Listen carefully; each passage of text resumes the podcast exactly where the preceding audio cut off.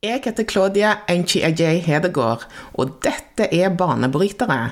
Podkasten hvor du får høre inspirerende historier om karriere og ledelse fra personer med flerkulturell bakgrunn i Norge som utmerker seg og baner vei. Når jeg holdt på å bli ferdig med uh, masteren min Jeg satt og skrev masteren min i, uh, i Italia.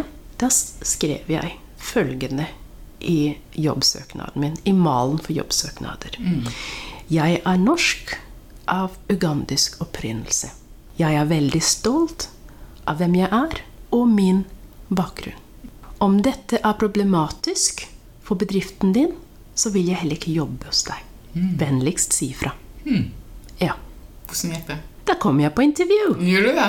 Ja. ja. Jeg husker et intervju i Oslo. Jeg satt og spiste druer, og HR satt veldig sånn der shaky og forsøkte å forklare at de har diversity og ikke har noen diskrimineringspolicy.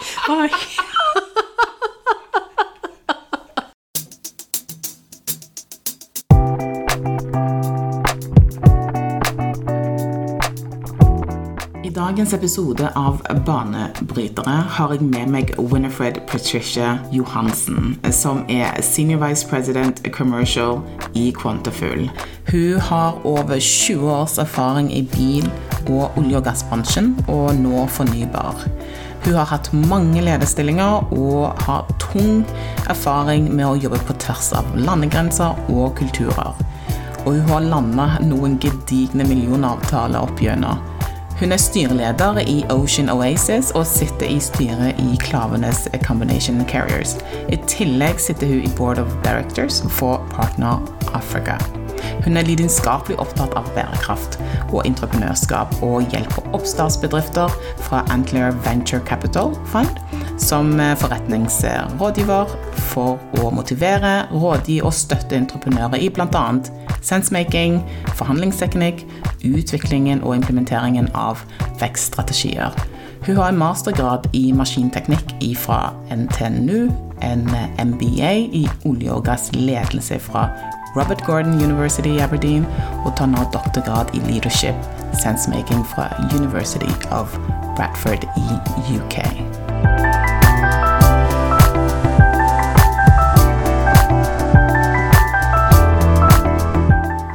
Velkommen til banebrytere Winifred. Tusen, tusen takk. Ja. takk for at du inviterte meg. Jeg syns det er veldig kult at du sa ja til å, å være med meg i dag og fortelle meg alt om deg. Å, oh, Jesus. Jeg trenger flere uker. ja. Gratulerer med, med ny eh, administrerende direktør i Kvantafugl. Tusen takk. Ja. Tusen takk. Er du spent på hvordan veien blir med den nye direktøren? Jeg gleder meg. Så han på Teams i dag, og han uh, virker helt jordnær og fantastisk. Og, ja. ja. Jeg tror at uh, det skal gå bra. Det tror jeg òg. Ja.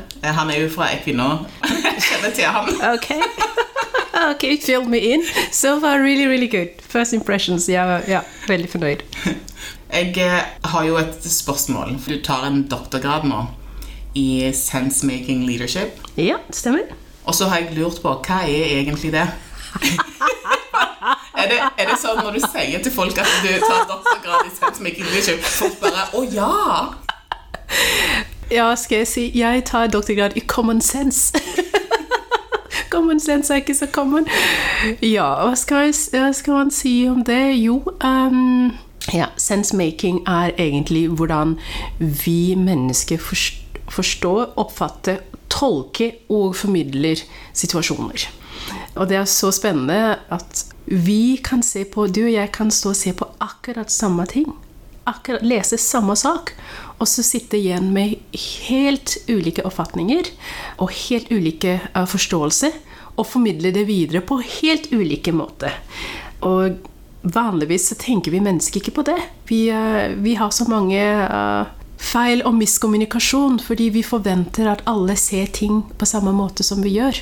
Og når man jobber tverrkulturelt og jobbe over landegrenser, over kulturgrenser, over religionsgrenser, over språkgrenser, så blir det mer komplekst, det der med hvordan vi forstår ting. Fordi vi forstår og tolker ting på helt ulike vis. Og det må vi være klar over når ja. vi leder At vi faktisk er på samme side. Men hvorfor valgte du å ta akkurat dette temaet her?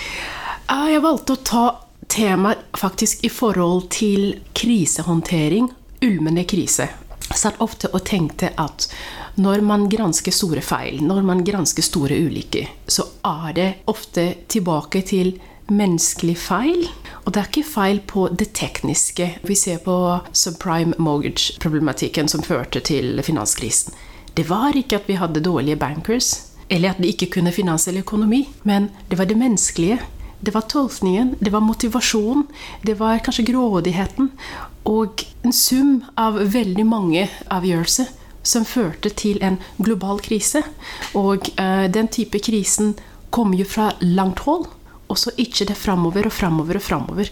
Og det er veldig spennende med sånn tverrgående krise at det begynner gjerne på et sted der du ikke har kontroll. Og så kommer det bare nærmere, og før eller siden så arver du en kjempekrise. Og hvordan forstår du det? Hvordan tolker du signalene som kommer? At dette blir en stor sak. Ikke sant? Eh, Når vi fikk, eh, når vi fikk korona eh, Først var det et problem i Kina. Og så oi, nå var det Italia. Og så ops, vi er på ferie i Østerrike. Og så oi da, nå har vi korona i Norge. Det var et problem som snek seg på en måte på oss. Du ser det kommende, men det er å ta den Hvordan forstår jeg denne krisen? Hvordan legger jeg prikkene sammen for å danne en hel story? Det er det som sensemaking er. Når det er, så, det er forvirrende situasjoner i stor endring, ting du ikke har kontroll over. Og jeg ser mange kriser, eh, eller jeg ser mange oppkommende kriser. Jeg ser på klimaendring. eh, jeg ser på migrasjonskrisen i, eh, i Middelhavet. Ikke sant? Og så sporer du tilbake. Krisen når det kommer til Middelhavet Vi får alle disse drukningene, disse tragediene. Det er ikke der det begynte. Det begynner fra langt hold. Og det er ikke på en måte Europas problem før det kommer til Europas grenser. Så jeg tenkte hele tiden at søren, det må være mulig å kunne forstå og kunne legge sammen prikkene og danne en story og en strategi som hindrer at krisene blir så store før de har kommet til- til døra di, før de har kommet på, før de havner på fanget ditt. Forhindre på en måte, eller bygge eh, resilience. Når du ser at oi, denne krisen kommer, vi kommer ikke til å kunne stoppe det. Hvordan bygger vi resilience så vi har et samfunn eller en struktur eller en organisasjon som faktisk kommer å klare vågen som slår oss til slutt? Yes. Det er det jeg tenkte på. Men hvordan bruker du dette her i en praksis? Jeg er leder selv, så jeg må bruke det der først og fremst. Og så er jeg eh, researcher, må bruke det i akademisk eh, sammenheng. Men målet er jo at vi skal kunne ta denne diskusjonen i åpen fora. At vi skal kunne spørre hverandre og begynne å snakke om særlig de tingene vi ser. Vi ser på klimaendring. Det kommer jo. Før eller siden så slår det oss. Ok, nå var det Tyskland eller Europa som hadde disse mudslides. Men hva skjer når det kommer til oss? Hva er det vi må gjøre? Hvilke signaler har vi fått nå som faktisk tvinger oss til å agere? Eh, og vi har jo den IPCC-rapporten som nå sier Code Red. Veldig bra, for nå må vi jobbe med det. Men hva med andre kriser? Vi har en veldig enkel en som vi ikke tenker på. Vi bruker klær som bare det. Men hva skjer med klærne vi kaster? Har vi noe håndteringssystem? Hvor mye ressurser brukes for å lage klær? Hvor mye vann? Hvor mye utslipp sender vi ut når vi eh, lager klær? Hvor mye dyrkbar mark trenger vi for å dyrke bomull for klær? Skal vi endre beteende på en måte? Skal vi begynne å snakke om de tingene? Uh, vi ser på det med plastforsøpling. Det er, det er så mange eksempler. Men vi må våge å begynne å se på disse tegnene og stille spørsmål. Så at Wow. de krisene blir, at de ikke blir så store når de kommer. Ja, for når du, når du forklarer dette her, så tenker jeg at eh, man må jo bli litt halvgal av folk. Eh, Fordi at du, du ser et større bilde, du ser sammenhengene. Du ser at eh, her må vi tenke mye lenger, man må ta grep nå. For du ser gjerne hva som Ja. kommer. Ja. Blir du litt eh, gal eh, av folk? Så jeg tenker Søren, så jækla dum du er. Skjønner du ikke? Blir du gal? Nei, jeg blir ikke gal, men eh, jeg prater gjerne med, folk. Og prater gjerne i ulike eh, forum. Fora om akkurat det her. Om eh, Ja, jeg, snakket om plastproblematikken på Ignite, blant annet. Snakket om energy transition i Afrika på, på NABA-konferansen. Uh, det gjelder å, å, dele informasjon og gjøre hverandre obs på, på, disse tingene. fordi når det ligger i blindsonen, så kan du ikke se det. Men når jeg gjør deg oppmerksom på at oi, det ligger noen ting i blindsonen din, så snur du deg. Så du, da ser du litt mer. Ja. Så vi må utvide blindsonen og gjøre mer synlig. Skjønner. Ja. Men, men Ja, good luck. takk, takk. Ja, litt galskap, kanskje. Ok, da jeg aksepterer det. Litt sånn Ja, litt merkelig. Men jeg tenker å, å, ta en doktorgrad er jo sjelden en, en, spontan beslutning. Det er ikke sånn man våkner opp og så tenker man altså nå skal jeg ta doktorgrad. Fordi det kreves jo sinnssykt mye. Og det, ja. og det er jo liksom én ting med tid, mm. men, men, den der mentalkapasiteten Eh, og, og, liksom det, det der disiplinet som kreves mm. eh, å, å, å, ta en, en doktorgrad. Hvorfor tar du doktor? Hvorfor utsetter du deg sjøl for dette? ja, vi snakket om galskap. Ok, jeg må si det at jeg jobber uh, fulltid, så jeg har en uh, jeg, har, jeg, jobber fulltid. Og uh, jeg har familie, jeg har hund. Doktorgraden er på en måte min Jeg kan ikke si det at det er min hobby, men det er min på engelsk har jeg sagt 'indulgence'. Ja. ja. Det er min belønning til meg selv. Ja. Wow. Det er en fin måte å se det på. Det er, det, det er, den, det det er som en, en, god vin for meg. Ja. Jeg gleder meg til å gjøre det. Det, eh, det tar fritiden min. Sosiallivet mitt er kanskje litt begrenset, men jeg koser meg. Det er krevende. La meg ikke bagatellisere hva det, hva det, tar å skrive en doktorgrad. Det er veldig krevende. Det er mye lesing, og det tar tid. Så man må faktisk prioritere. Jeg sluttet å se på TV når, eh, når jeg tok min master, min MBA. For jeg måtte ta en audit av min tid. Hvor mye tid har jeg egentlig tilgjengelig? Og da fant jeg ut at oi, jeg bruker x antall timer i uka på TV. De timene tar jeg. Og det tok jeg til mine studier. Og up to today fram til i dag jeg lover, jeg vet ikke hvordan TV-en funker. Det er tre fjernkontroll. Jeg vet ikke hvilken av dem jeg skal trykke for å kunne få bilde på TV. Så ja. Det er, men det er også på en måte en drøm, eller en kall. Hvordan skal jeg forklare dette på en enkel og god måte? Vi er velsignet i Norge med uh, gratis utdanning. Det har vi ikke i hele verden jeg har alltid elsket å lære. Det er på en måte min eh, det er, det er, på en måte min ting. Jeg har alltid vært nysgjerrig. Og når jeg først har presentert for muligheten til å lære så mye jeg kan, så vil jeg ta det. Ja, det, er det, er ikke noe jeg tar for gitt. Det er Ja, det høres nesten religiøst ut, men Det går bra. Vi tåler det. ja, så det er, det er min belønning til meg selv. Ja. Du har jo eh, i de siste månedene Jeg føler jeg ser deg overalt eh, og hører om overalt. Men, men du, du, jo, du, jo, du, får jo veldig mye oppmerksomhet eh, for tiden. Og du, får jeg? Ja, du stiller jo på store eventer. Eh, du eh, stiller på venter med prominente eh, norske og internasjonale eh, profiler, og du har blitt portrettert, du har vært okay, okay, i blader, du har, du har, vært en covergirl. Altså, og, du, og du takker jo nei til veldig mange forespørsler. Ja. Så hva er det som skjer rundt deg nå? Er, uh, hvor kommer all oppmerksomheten ifra? Ok, um, ja. Først og fremst må jeg si at uh, jeg er uh, Jeg er en eremitt som er egentlig Jeg er en sosial eremitt. Jeg, er, jeg liker mennesker, jeg liker å være sosial, og uh, jeg klarer å være i sosiale sammenhenger, men elsker egentlig å trekke meg tilbake. Den anonymiteten. Jeg setter så innmari pris på å være på en måte en ingen. Mm. Å kunne bare vandre rundt uten at folk vet hvem jeg er, og få lov til å være meg selv. Og ikke, ikke tenke eller se over skulderen at jeg blir kjent igjen. Jeg er en nokså useriøs menneske. Nokså uh, Ja. Nokså nok enkel person.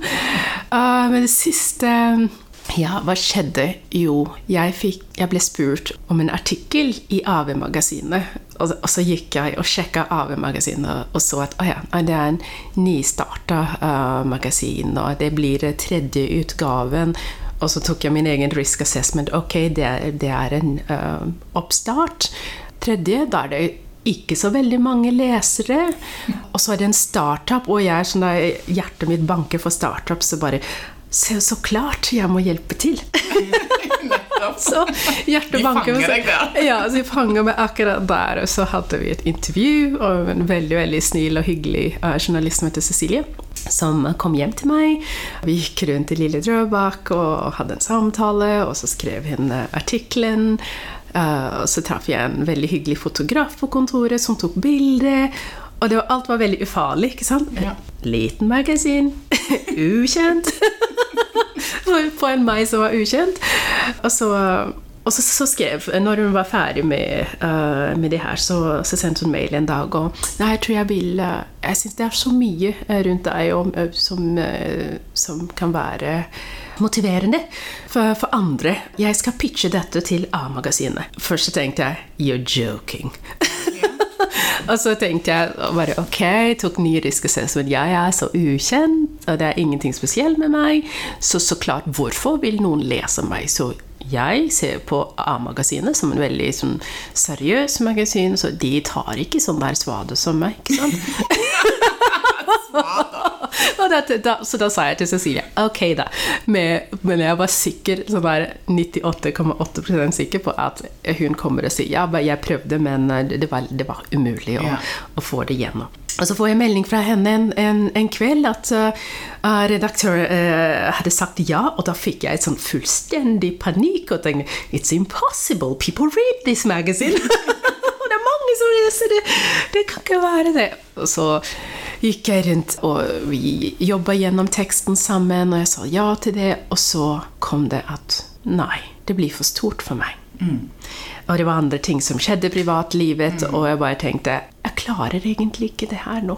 Jeg, akkurat nå så er jeg i skilpaddemodus. Mm. Uh, skilpaddemodus er min uh, La meg forklare hva skilpaddemodus er.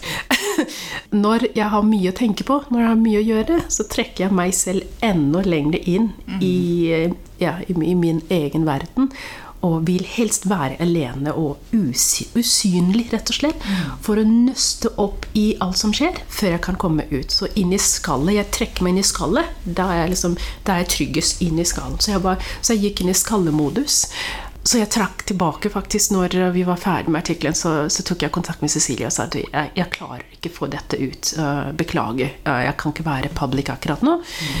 Og så var det uh, kvinnedagen, og jeg ble invitert av Self-Help Africa til å delta på en panel om kvinne og frigjøring og motivasjon af i afrikansk kontekst. For jeg sitter som jeg sitter Board of Governors of Partner Africa som en del av Self-Help Self Africa-gruppen.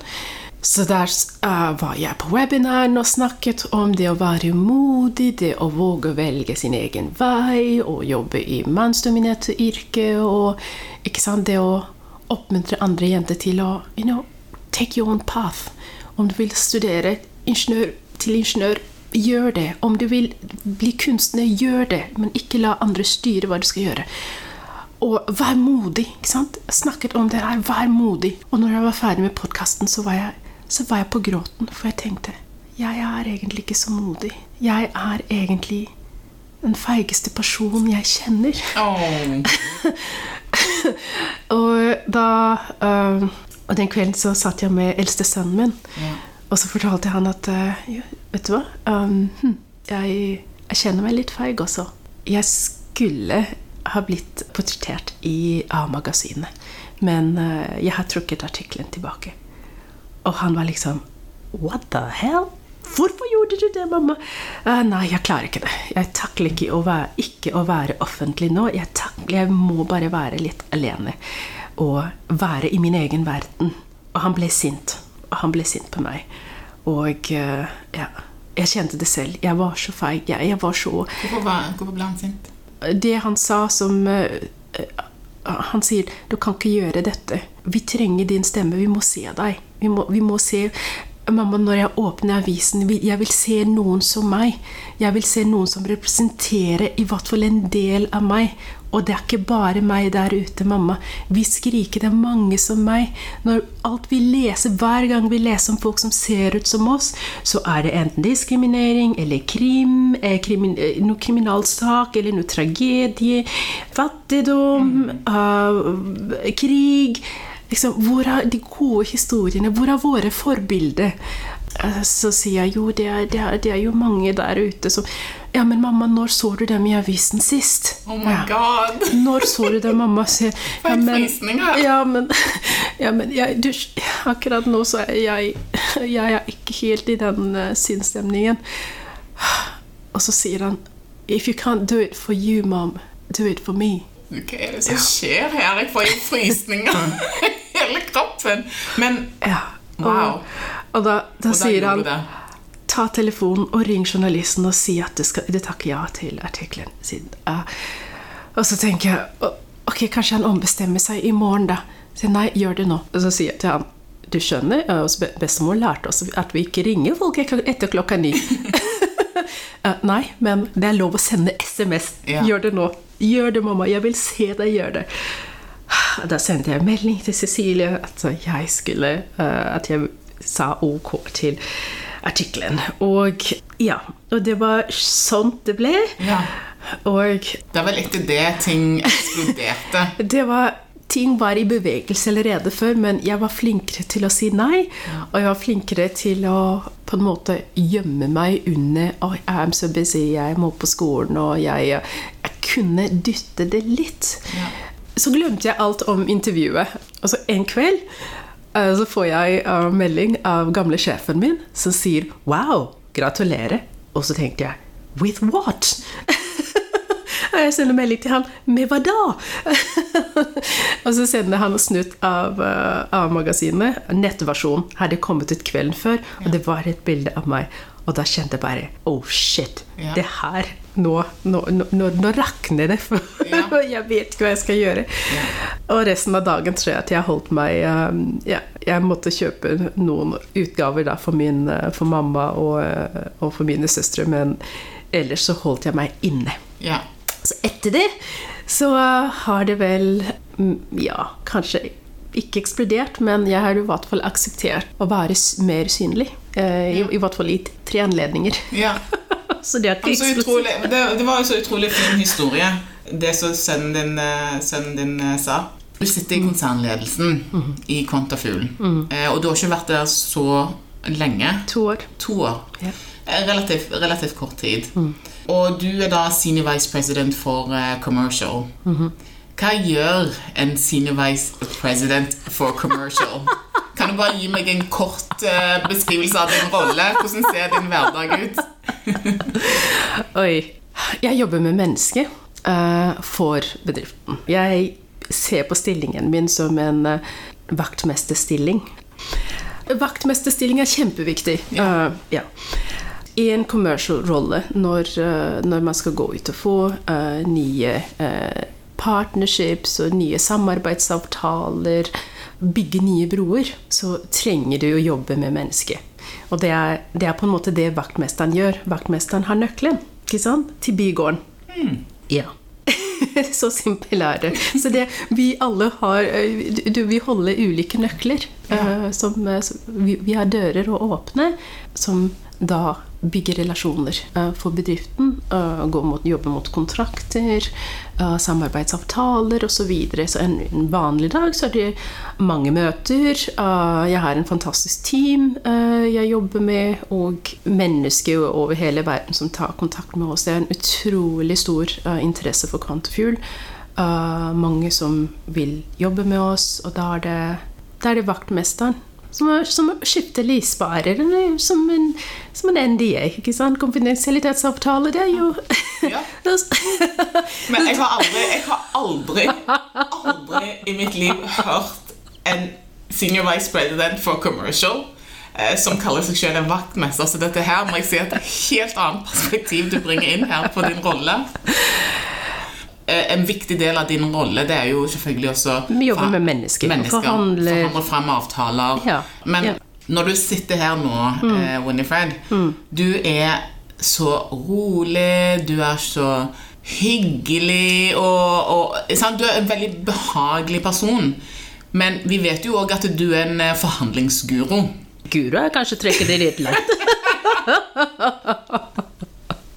Du har gjort eh, Du har etablert ganske mange avtaler. Store avtaler. Ja, Men du er i hvert fall du, du er god på dette her. Du Ja. er god på forhandling. Ja. Og da lurer jeg på Hvis jeg skal forestille meg hvordan du er i, eh, i, eh, rundt, altså i forhandlingsrommet Mm. og rundt bordet Hvordan er du i den settingen der? Wow. Vi møter mennesker, vi jobber med mennesker. Og igjen som vaktmester møter du en eh, Skal si du slipper noen inn i bygården, og han blir veldig utagerende, så må du på en måte møte han med litt eh, Ja, litt force og kanskje litt sånn litt streng og Her vil vi ha ro og fred. Og så, ikke sant, uh, i bygården, her snakker vi ikke med høye røster, her skriker vi ikke sånn. Uh, eller så kan du møte en person som er kjempehyggelig, og det er liksom Ja, men det var så koselig, og ja, ja jeg skjønner, ja, lyspæren din funker ikke, ja, men det skal vi få bytte. Hvor, hvor, eh, og jeg, lys er viktig for deg, ja, du trenger sterkere lyspære, og ikke sant. Og det er det samme med forhandlinger. Du møter mennesker, og de menneskene bærer to typer interesse. Bedriftens interesse og egne interesse. Eh, og det er viktig å forstå begge to. Ofte så er vi så keen på å forstå det som er på papir, og det er det som er bedriftens interesse. Og vi går glipp av det som er personens egne behov.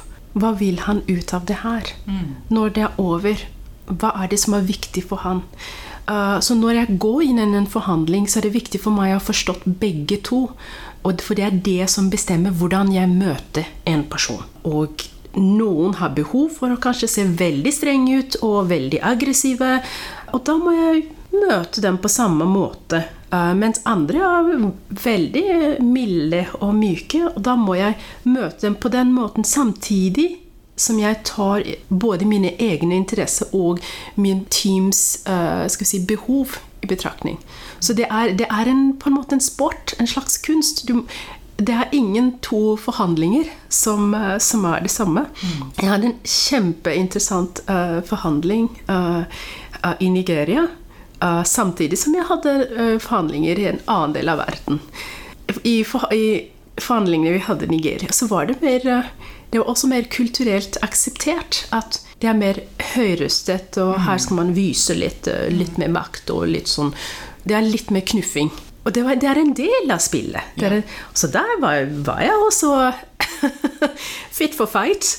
Uh, og uh, det var sånn berking, ikke sant, som wrestling. Uh, at man kommer inn, og så poff, så, så slår man hardt, og så er det en timeout. Ikke sant, så møtes vi ved, ved, ved kaffetrakten og vannhullet, som jeg kaller det. Og så spør vi hverandre Are you good? Yes. I'm good. You good? Yes. Ok, let's go. Round two. Ja. Men går du inn for en eh, type win-win-strategi? Jeg syns at i begynnelsen, når, eh, når jeg begynte med kontrakter, så ville jeg gå inn for win it all.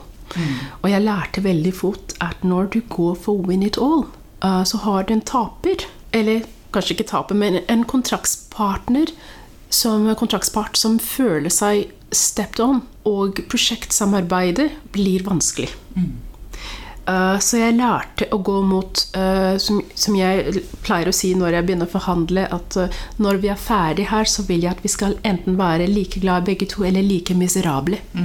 At vi begge har forsøkt så godt vi kan til å både se hverandres behov og egne, og så komme til en balanse som gjør at vi kan leve med prosjektet i fire-fem år. Yeah. Og neste runde vi møtes til neste forhandling, at vi skal fortsatt kunne ta hverandre i hånda.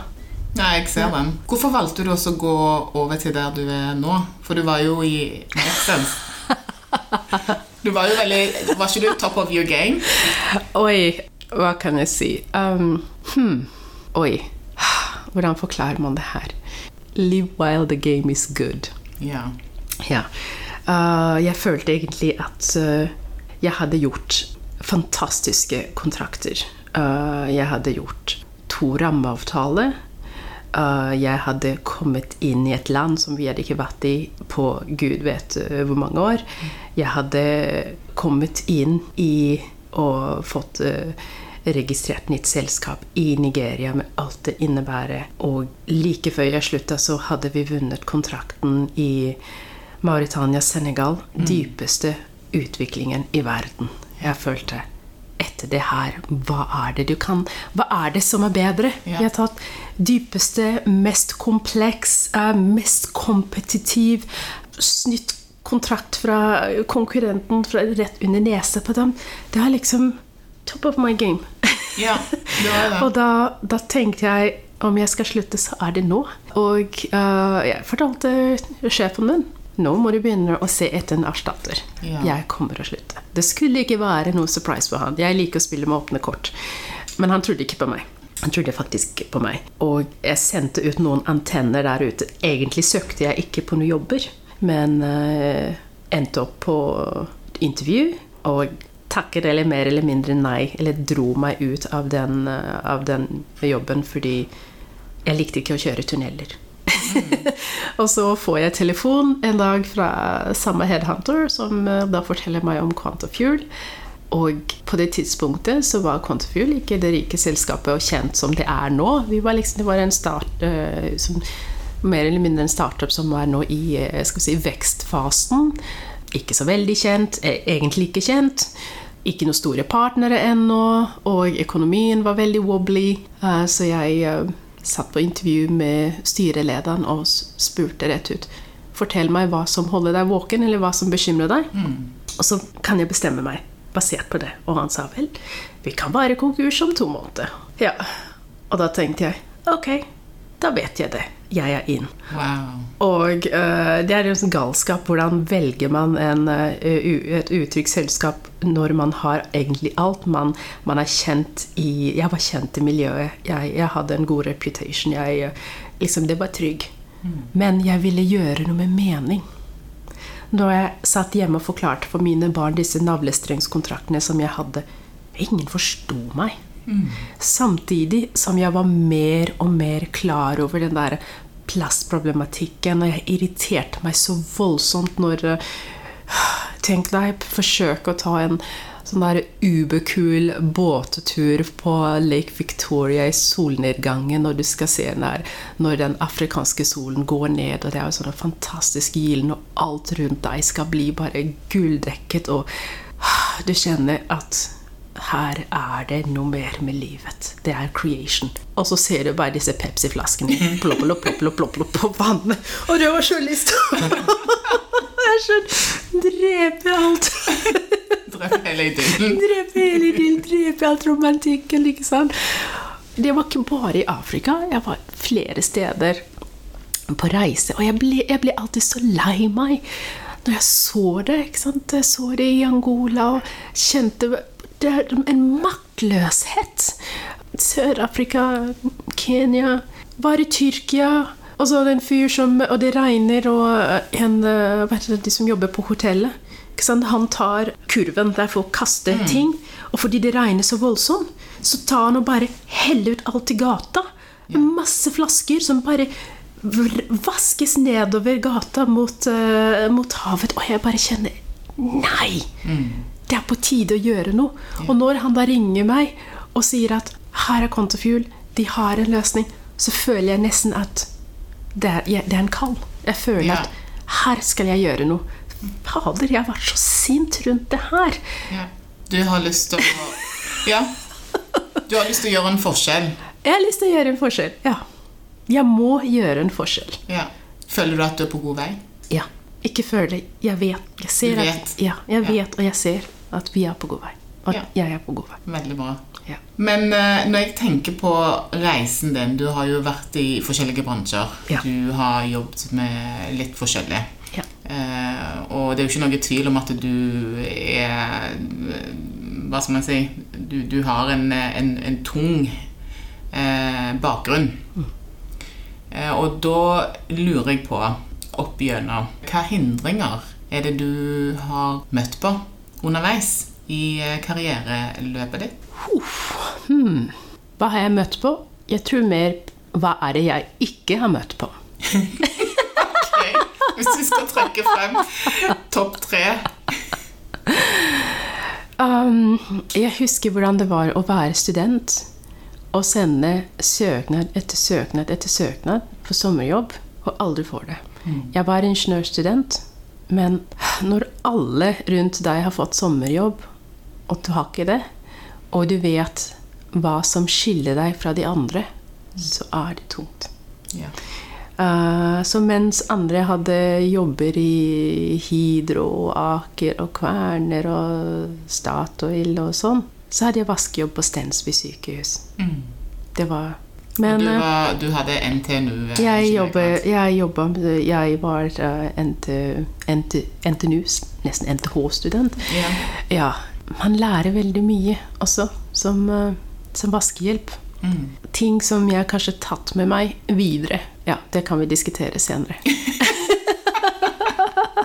Da var det et eller annet. Ja, Ja. ja.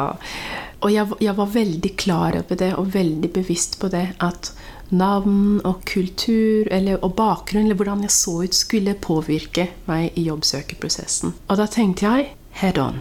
Meet it head on. Så når jeg holdt på å bli ferdig med eh, masteren min Jeg satt og skrev masteren min i, eh, i Italia. Da skrev jeg følgende i jobbsøknaden min, i malen for jobbsøknader. Jeg er norsk av ugandisk opprinnelse. Jeg er veldig stolt av hvem jeg er, og min bakgrunn. Om dette er problematisk for bedriften din, så vil jeg heller ikke jobbe hos deg. Vennligst si ifra. Ja. Hvordan gikk det? Da kom jeg på intervju. Gjorde du det? Ja. Ja. Jeg husker et intervju i Oslo. Jeg satt og spiste druer, og HR satt veldig sånn der shaky og forsøkte å forklare at de har diversity og ikke har noen diskrimineringspolicy. Og-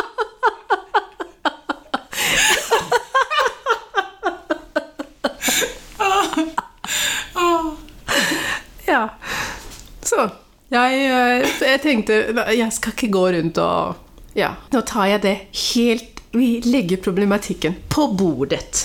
Ja. Her er jeg. Ja. Jeg er ikke hvit. Jeg er Ja. ikke, jeg er ikke Ja, sånn er det bare. Ja. Så det, er, eh, det, er- det var min måte å møte det på. Ah, jeg har opplevd eh, oftest at I hvert fall før jeg var et, en etablert person, så er det at man undervurderer hvem du er. Du er på en måte ikke god nok, eller det er en sånn belærende tone rundt, rundt deg. Og eh, hva skal jeg si Og når du er ute og reiser, så er det Du er på en måte tolken. Du er ikke en technical person. Du er ikke en lead. Eller du er sekretæren. Eh, jeg opplevde å reise med mine kolleger til, uh, til Sør-Afrika. Det var i 2001. Til Port Elizabeth. Og når vi kom uh, til Cape Town, på eh, hotellet, så var det Reservasjonen var W. Johansen. Eller Johansson. De tok, skrev O og ikke E, fordi alle var svensker, og alle var sånn, og så var det bare jeg som var sen. Og når jeg tropper opp med mine kolleger, alle hvite folk over 40, pluss meg da ah, Den gangen så var jeg vel jeg er 24 år gammel, eh, nyutdannet og ansvarlig for eh, tetninger og pakninger i basmotor. Jeg opplever at eh, de kan ikke tro at det er meg. Det tok nesten en halvtime å få komme inn på rommet, fordi de kunne ikke tro det. Fordi jeg så ikke ut som en businessresenær. Ja, Ja, whatever that means. Glem at, uh, at reisen var bestilt av samme sekretær, eller hotellet var reservert av samme sekretær. Uh, og hva gjør jeg da? Um, smiler fra øre til øre, behersker roen og forklarer så tydelig som mulig, og tar pass, og tar uh, PC-en og viser av papiret som jeg printer, som viser det er reservasjonen er min, og ja. Jeg må jo innrømme at det var en del av meg som var sint som faen, men det behersket. Og resultatet var at etter 10-15 minutter så kom hotellsjefen og banket på døra mi og beklaga veldig. Og jeg fikk en flaske champagne. Håper den var veldig god. Uh, glemte å drikke den. og alle bedrifter vi besøkte den gangen når vi kom så Today this company welcomes Mr., Mr., Mr., Mr., Mr. Alle, alle skulle være en Mr. Ja, så jeg var oftest mister. Uh, og alle ledere var hvite menn. Eh, og, og det, så man sitter der, og de bare prater. Uh, når de prater, så ser de bare på de, eh, de andre. Ja. Og jeg som technical lead eh, glemmes veldig ofte. Eh, og på andre steder så Oh, are you the interpreter? ja. Og jeg lærte en del gjennom disse erfaringene. Opplevd å bli forbigått for uh, forfremmelse. Opplevd å faktisk bli trukket tilbake fra en, uh, en bedrifts ph.d. Eh, av det Ja. Uh, uten egentlig noe uh, gode grunner, føler jeg. Ja. Du har i hvert fall, eh, du har i hvert fall en, en, en eh, lang liste. En lang liste. Jeg har opplevd upassende oppførsel fra mannlige eh, folk også. Men, men det er klart at du er, jo, du er jo i en, eh, de stillingene du har hatt, har Ja. vært i mannsdominerte Ja. eh, bransjer. Ja. Eh, bilbransjen, olje og gass, vet vi jo, eh, er mannsdominerte. Også i tillegg til ingeniørgraden. Mm -hmm. Så du, har jo, du sjekker jo av egentlig alle disse boksene for, for, for mannsdominerte Ja, men det er jo greit å jobbe med gutta. Jeg er på en måte en av gutta òg. Ja, kanskje det. Men eh, ja, ikke alt uh, er akseptabelt. Ja.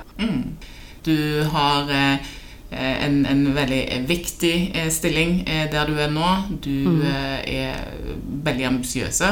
Du eh, har andre ting også sånn på si når det gjelder styre, når det gjelder eh, det å også være rådgiver, rådgiver, startups osv. Så, videre. så altså, listen går jo on and on. Ok. Så, så hva, er, hva er drivkraften din? Når det gjelder startups og rådgivning osv. Jeg liker å hjelpe andre og være til nytte og se andre vokser. Det er en skaperglede. Og jeg, jeg, jeg får en glede av å se at Oi, denne personen kom til meg og snakket og ville ha råd, og nå er det lykkes.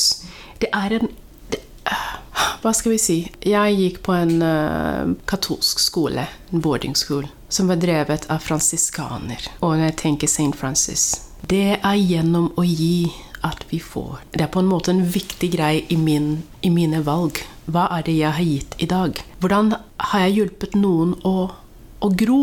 Det, det driver. Og så, så har jeg en sånn afrikansk tankegang bak det også, som jeg har hjemmefra. Det er det du gjør mot noens barn i dag, vil bli gjort til dine barn i framtiden. Når du banner vei for noen i dag, så er det cross-generational. Så ja, hva er det som driver meg? Jeg hadde aldri endt opp i A-magasinet om det ikke var min sønn. Mine barn. Jeg vil at de skal ha muligheter. Jeg vil at når de en dag møter noen, ikke sant, så vil jeg gjerne, om jeg lever eller ikke lever, at oi, moren din hjalp meg. Eller ba mine barnebarn. Å ja, bestemoren din var en kul dame. Hun gjorde det og det her for meg. Klart. Så jeg gjør mye for min mamma. Mamma har ofret mye for oss. Ja. Hun har vært Ja, hva skal vi si? En fundament. En usynlig fundament. Men uten en sterk fundament så står aldri et hus. Og jeg vil at fundamentet skal være sterk og fornøyd og føle at det var viktig, det var riktig, og det var godt. At hun skal smile litt. Og føle at ok, jeg var en rampete unge. Jeg var liksom, jeg var sånn en helvetes kid. Og så skal hun tenke ja, altså, at hun skal tenke It turned out all right. Ja, gikk fint, men allikevel. Det gikk fint.